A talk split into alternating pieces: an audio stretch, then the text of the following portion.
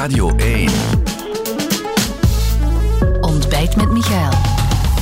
Mijn gast vanmorgen is minister van Gezondheid en vicepremier voor Vooruit in de federale regering, Frank van den Broeke. Radio 1. Goedemorgen, meneer Van den Broeke. Goedemorgen. Inderdaad, in Tervuren, uw eh, woonplaats uh, op uh, ja, heel dichte afstand van uh, Brussel, de plek waar het gisteren moeilijk bereiken was. Ik spreek uit ervaring door die toppen die er waren. Hè. Europese top, NAVO-top ook eerder deze week. Ik wil het over de resultaten van, daarvan toch even hebben, omdat ja, de bevriezing van die gasprijzen gisteravond daar toch een, een, element was uit dat akkoord. Gaat het allemaal helpen om die prijzen bij ons naar beneden te krijgen? Dat is de vraag natuurlijk. Wel, Alexander de Croo heeft in alleszins toch een heel uh, sterk resultaat geboekt tegen heel veel weerstand in op de Europese top. Eigenlijk was onze inzet was dubbel. Hè. Enerzijds, wij denken dat het veel beter zou zijn dat de Europese landen samen zouden aankopen. Als je een groepsaankoop doet van gas of van iets anders, dan sta je veel sterker. Dat is wat we met de vaccins gedaan hebben. En ten tweede, eigenlijk zou je toch moeten kunnen uh, ook op de Europese uh, gasmarkt tot een prijsbeheersing komen. En uh, ja, premier De Croo heeft daar een stevig gevecht over opgezet. Er was heel veel sepsis en weerstand en heeft toch bekomen dat men naar een groepsaankoop zal gaan. Mm -hmm. Weliswaar vrijwillig. Je weet eigenlijk dat als je echt heel sterk wil werken met een groepsaankoop, mag je eigenlijk niet toelaten dat er nog een lidstaat zijn eigen spel zou spelen aan de zijlijn. Zover zijn we nog niet. Het gaat over een vrijwillige groepsaankoop. Maar dat is wel een beetje revolutionair hoor, dat de Europese Unie dat gaat doen. En overigens, we hebben nu eigenlijk wel hele goede ervaringen met het gezamenlijk aankopen van vaccins. Dat heeft heel sterk gewerkt.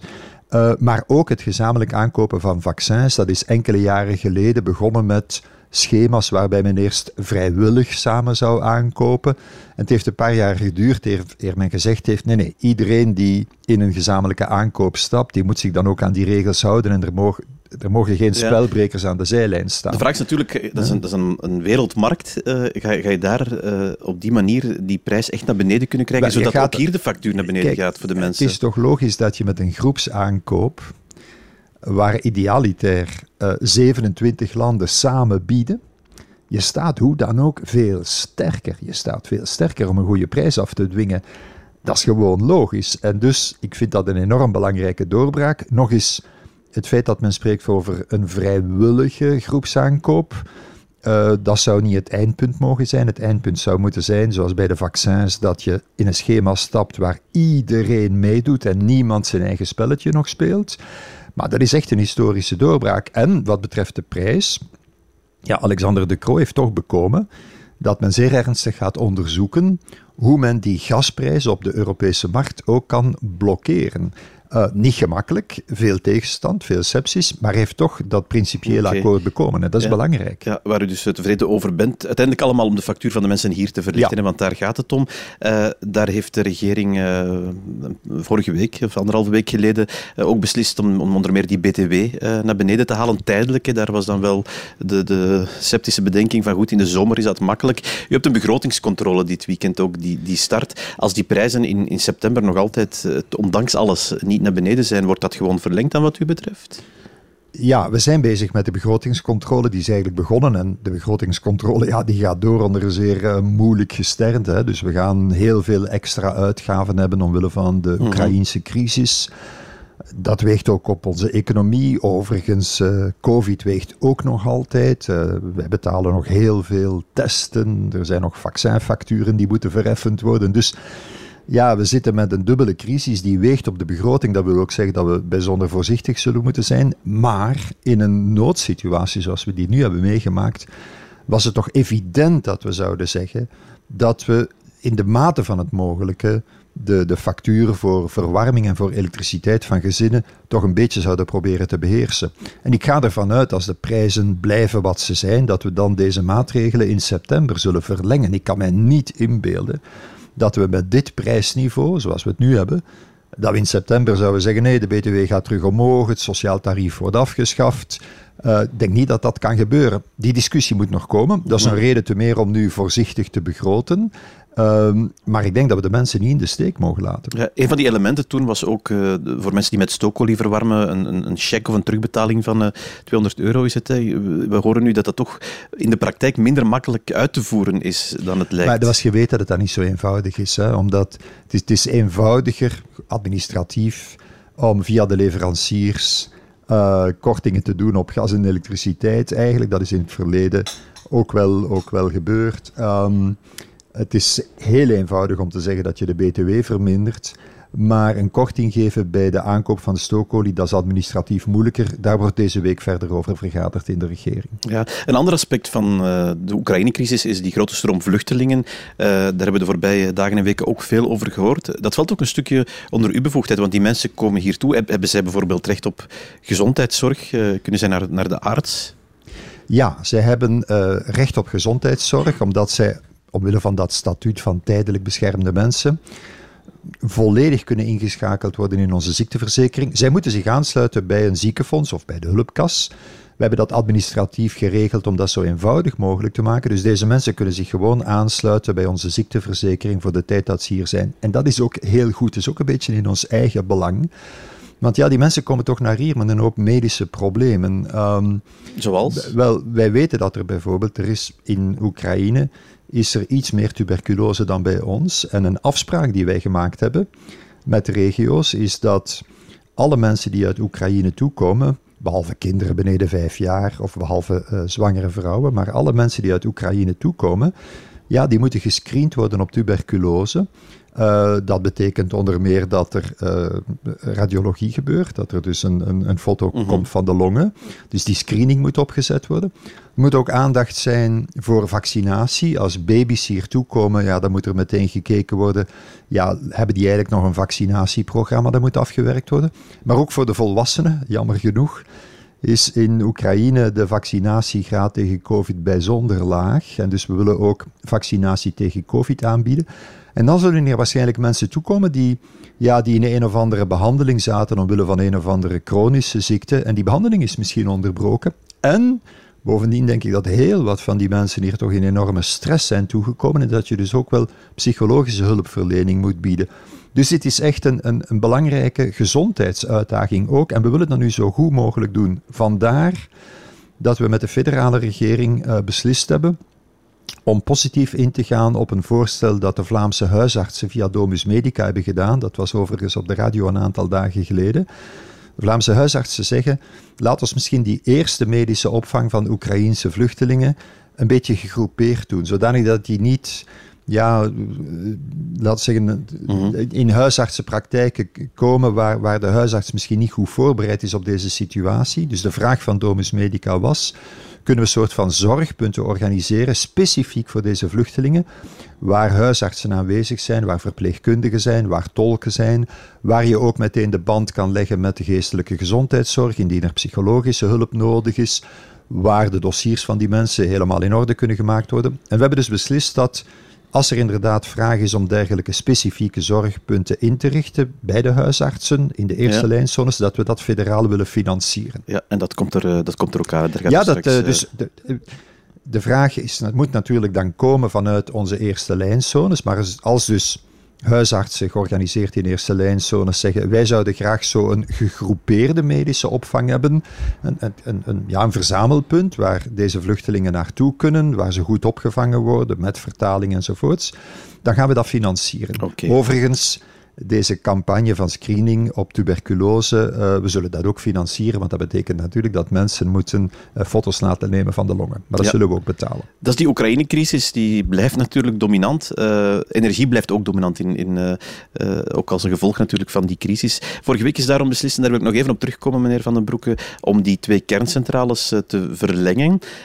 dat heeft heel veel voeten in de aarde gekost. En dan horen we deze week de topman van Engie zeggen tijdens een debat van de krant De Tijd, ho maar, uh, dat uh, zullen we nog wel eens zien of dat, dat lukt tegen 2025. In 2027 zal dat lukken. Ja, daar staat u dan met uw, uw akkoord. Dat het in 2025 moeilijk zou zijn, dat wisten we. Maar de vraag ligt open of uh, deze verlenging kan gebeuren in 2026 dan wel in 2027. 2026 is natuurlijk veel beter, om allerlei redenen. Maar uh, ja, premier De Croo en mijn collega Tine van der Straat, de minister van Energie, gaan daarover onderhandelen met Engie. En we hebben in de regering duidelijk een aantal voorwaarden afgeklopt waarbinnen die onderhandeling moet gebeuren. Uh, ik ga ervan uit dat Engie toch ook wel belang heeft bij een goed akkoord. Uh, Engie verliest. En de prijs kan opdrijven natuurlijk, want daar draait het al maar, licht om. Uh, laat ons niet vergeten dat um, Engie zelf ook geraakt is door deze crisis. En het is dus ook wel is in het zo? belang. Ja, omwille van het aandeel wat Engie heeft in, in gas? Uh, ook in Rusland. Dus met andere woorden. Um, dit is, niet, dit is een crisis die ook voor Engie uh, verstrekkende gevolgen kan hebben. Maar langs de andere kant, de prijzen zijn hoog en dat is goed voor Engie. Dus dat moeten we toch mogelijk maken van een ernstige onderhandeling te voeren. En ik denk ook dat ja, een bedrijf als Engie toch ook wel een stuk maatschappelijke verantwoordelijkheid heeft waarop het kan aangesproken worden. Ja, maar gaat dat helpen allemaal om die kerncentrales op tijd uh, klaar te krijgen? Uh, dat is de inzet van een onderhandeling die nu gaat beginnen. Ja. Het heeft natuurlijk allemaal te maken met het akkoord over de kernuitstap van 20 jaar geleden. Een regering waar u ook uh, toen in zat, die eerste paarsgroene mm -hmm. regering. Achteraf bekeken, was dat dan wel slim om dat toen te beslissen, die kernuitstap? Maar de historische fout is geweest dat men daarna, nadat men A heeft gezegd, niet B heeft gezegd. Als je zegt je gaat uit de kernenergie, dan moet je natuurlijk echt wel uh, propere alternatieven ontwikkelen. En je moet ze op tijd ontwikkelen. En dan moet je ook zeer hard inzetten op het verminderen van het energieverbruik. Ja, daar is de voorbije jaren een zeer, zeer wisselvallige koers gevolgd, om het vriendelijk te zeggen. Hè. Dus uh, niet beslissen is het slechtste wat je kunt doen. Je moet iets beslissen. En als je A het beslist, dan moet je ook B zeggen. Uh, nu vind ik het, het goede van de gebeurtenissen van, van de voorbije week, is dat we dan toch wel ook een stevige extra programma van energiezuinigheid en van uh, ja, propere energieproductie hebben opgezet. We gaan onder meer in de Noordzee nog meer inzetten op windenergie. We gaan ervoor zorgen dat die bijkomende zone waar windmolens kunnen gezet worden, dat die zo snel mogelijk uitgebouwd wordt. We gaan al nadenken over nog een bijkomende zone voor windenergie. Maar ja. wel met uh, kernenergie, samen hand in hand dan. Ja, maar eerlijk gezegd, ik vind dat ook niet verkeerd. Op zichzelf is een mix uh, van kernenergie met andere energiebronnen op dit moment niet verkeerd, vind ik. Het is ook een... We zitten toch in een hele bijzondere internationale situatie. En het spijtige is dat er de voorbije jaren zoveel tijd verloren is. Ja, ik denk dat de politiek daar een collectief mea culpa moet slaan, want dat gaat over vele jaren. Uh, er is veel tijd verloren door onbeslistheid en door onvoldoende ambitieus te zijn in zaken vergroening en verduurzaming. Ik denk dat daar nu echt toch wel een stoot wordt gegeven in de goede richting. Ik wil het ook toch nog even over uh, dat andere thema met u, meneer Van den Broek, corona. Uh, als ik het goed voor had, was het eigenlijk de bedoeling om gisteren uh, een overlegcomité te houden waarbij van code geel, waar we nu in zitten, naar code groen te gaan. Dat is er niet gekomen. Wel, toen we op het laatste overlegcomité hebben gezegd we gaan van de code oranje naar de code geel, waren er wel een aantal mensen rond de tafel die zich afvroegen, is dat nog nodig en, en hoe lang gaat dat nog nodig zijn? Um, en we hebben dus inderdaad toen gezegd, we gaan relatief snel terug samen zitten en we zullen zien waar we staan. Maar als we vandaag kijken waar we staan, ja, dan weet je natuurlijk dat je die code geel nog wel een tijdje zal moeten aanhouden. Omdat die hè? nieuwe gevallen zo wel, hoog zijn? Ik, er is geen reden voor paniek. Het is niet zo dat we met een explosieve stijging van besmettingen of ziekenhuisopnames zitten, maar er gaat zeer veel virus rond. En dat groeit toch wel. Niet explosief, maar er gaat zeer veel virus rond.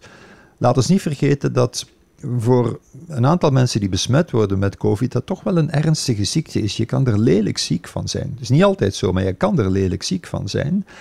En bovendien, we zien toch ook wel een toename van het aantal mensen dat omwille van COVID in het ziekenhuis komt. En daarnaast zijn er ook heel veel mensen die om andere redenen in het ziekenhuis komen. Bijvoorbeeld een verkeersongeval of een andere ziekte of een operatie die nodig was maar die wel besmet blijven te zijn, blijken te zijn. En dat, dat legt ook een zeer zware druk op de ziekenhuizen, naast het feit dat we toch met een, een klein piekje zitten opnieuw van griep.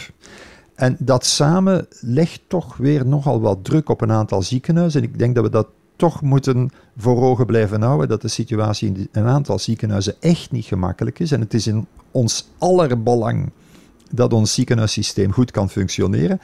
Maar daarnaast is het in ons aller belang, denk ik, van als je er zoveel virus ziet rondgaan, van toch voorzichtig te blijven. En dus ik ga ervan uit dat we toch nog wel een tijdje in code geel zitten. Dat wil zeggen, en wat, wat, je, dat wil zeggen mondmasker tijdje? verplicht bij de apotheker, op de bus, de tram, de trein. En ik denk meer in het algemeen dat mensen ook moeten beseffen dat ze dat ze, ja, niet, dat ze het recht hebben om voorzichtig te zijn. Het mag niet vreemd zijn nee, dat iemand nog met een geel is een plicht voor sommige, op sommige plekken. Hè. Hoe, hoe zegt een tijdje? Is, is dat een paar weken? Of, of hoe moeten ik we dat inschatten? Ik, ik, ga daar geen timing op plakken, maar alleszins de komende twee weken gaat daar geen verandering in komen.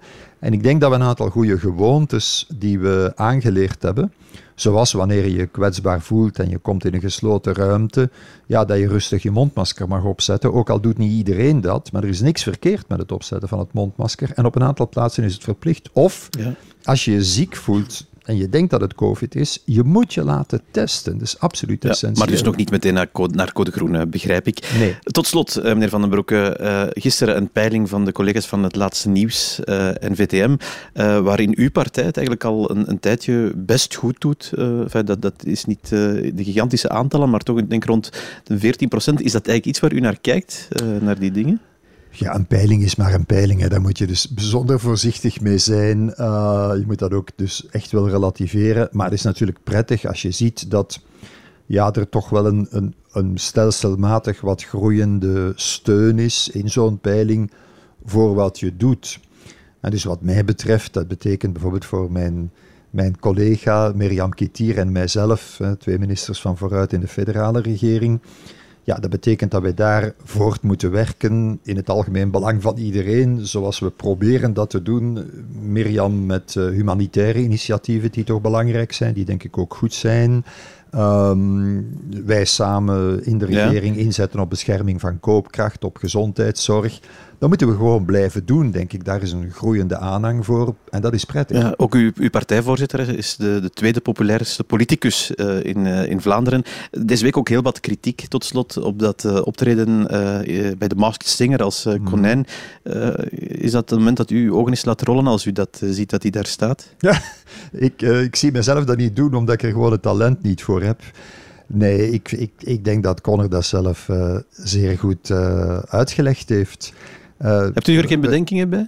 Nee, hij heeft, hij heeft, zelf gezegd dat hij begrijpt dat het natuurlijk raar kan overkomen dat je zo'n uitzending hebt. Ja, net op het moment dat de regering aan het discussiëren is over de kernuitstap, net op het moment dat je een zware crisis hebt in Oekraïne. Het moment van zo'n uitzending, ja, daar kunnen vraagtekens bij komen. Maar om, om heel concreet te zijn, over de kernuitstap hebben Conor en ik heel wat vergaderingen samen gedaan. Samen dat heel goed doorgepraat, goed nagedacht van wat moeten we hier beslissen. Dus dat op het ogenblik dat wij de beslissing namen, hij in die uitzending zat, dat stoorde helemaal niet. Hè. Dat was allemaal goed voorbereid en goed doorgesproken. Nee, ik, ik heb er geen talent voor. Ik zie het mij niet doen. Ik denk dat het okay. verschrikkelijk zou zijn, maar ik heb er geen probleem mee. Oké, okay, dat is heel duidelijk. Dank u wel om uh, vanmorgen hier uh, interviewen te gast te zijn, Van den Graag gedaan. Dit was Ontbijt met Michael, een podcast van Radio 1. Ontdek nog meer podcasts van Radio 1 in onze app en op radio1.be.